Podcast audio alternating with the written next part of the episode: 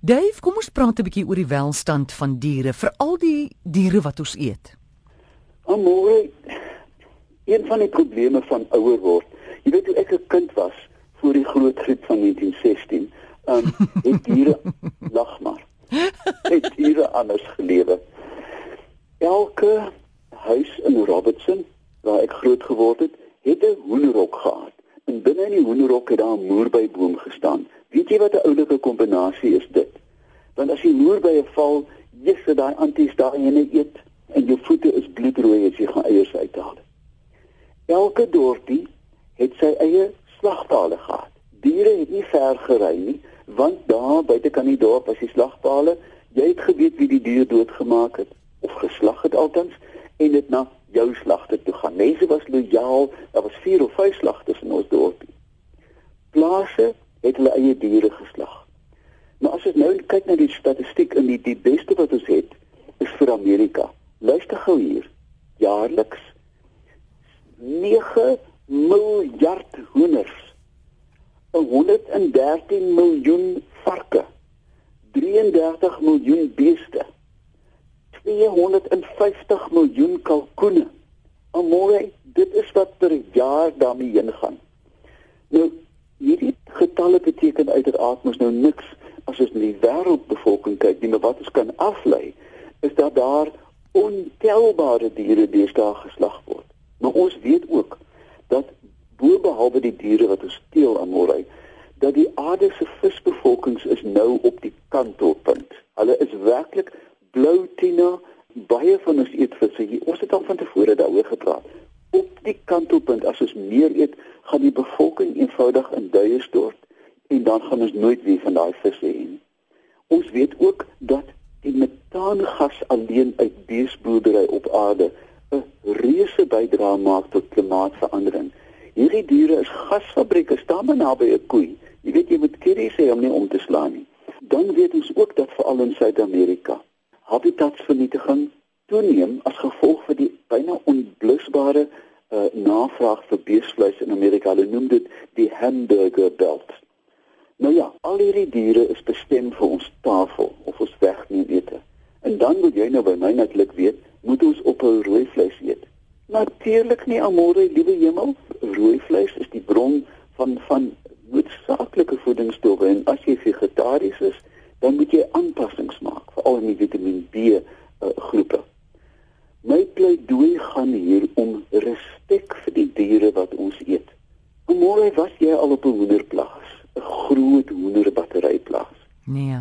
Ek kan jou verseker en ek ek wys nie van nie, maar in die algemeen, as jy weet hoe 'n skrophoender op die werf rondloop, dan gaan jy in trane uitbars aan môre. Daai diere staan, hulle sien nooit enige son nie hulle word uh, bittergou geslag want hulle word so swaar dat hulle bene ingee en dan breek die bene dan lê hulle daar in hulle eie mis. Nou vra mens, wat kan ek doen? Mm. My ou vraag altyd, want amore, jou vraag aan my is wat het ons vleisetery met die omgewing te doen? My vraag is byna alles want dit gaan oor respek wat ons vir mekaar het, respek wat ons vir onsself het en dan ook vir die diere wat vir ons voedsel gee. Ons moet begin vra as jy by die rak staan, waar kom hierdie vleisie vandaan?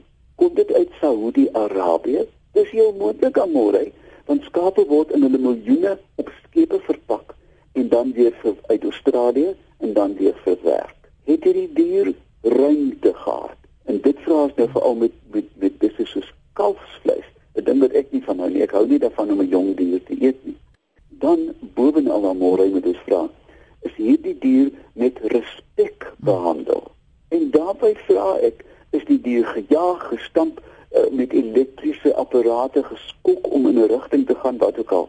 Hierdie gedagtegang môre het met my begin toe ek en my vriend Rob eendag buite Woester gery het. En daar was 'n lorry en daar was 20 beeste op op pad Kaap. En nou jy weet waar hulle gaan. Hulle is nie seepunt toe nie, hulle is ook nie Victoria Shopping Mall toe nie. Hulle is slagpale toe op pad. En toe ry ek nou stadig agter en ek kyk na daai oë. Daar staan Bessie en Gertie en wat die koeie se naam ook al was op die lorry. Hulle het hulle leeftyd lank op 'n plaaswerf gebly en skielik hulle op 'n dreunende vragmotor in verkeer in wind en son.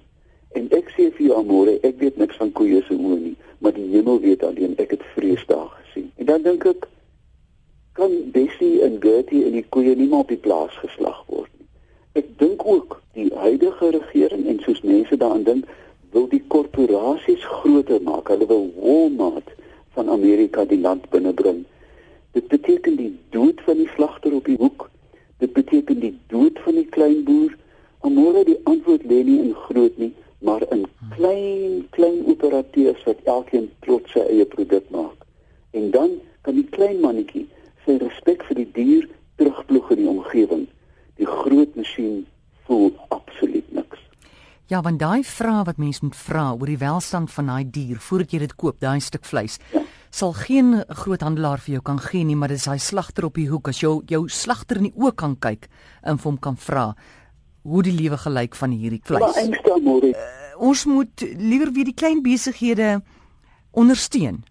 Absoluut, die antwoord vir groei en vir omgewingsbeskerming lê nie in groter eenhede nie, maar wel in kleiner. Nee, hmm. kan jy dink dat jy binne 'n dorpsgebied op 'n klein hoewe kan krop eiers van hoenders wat in die, op die grasperk geloop het hmm. en elke week kry jy 'n mandjie met net 6 van daai kosbare eiers. Sou dit nie wonderlik wees nie? Ek weet waar kom die eiers in die supermark vandaan? Dit kom uit daai donker tonne.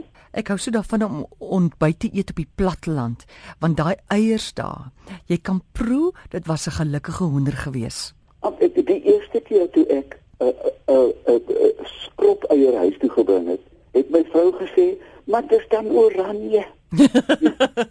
die geel was oranje en dit is hoe dit moet wees.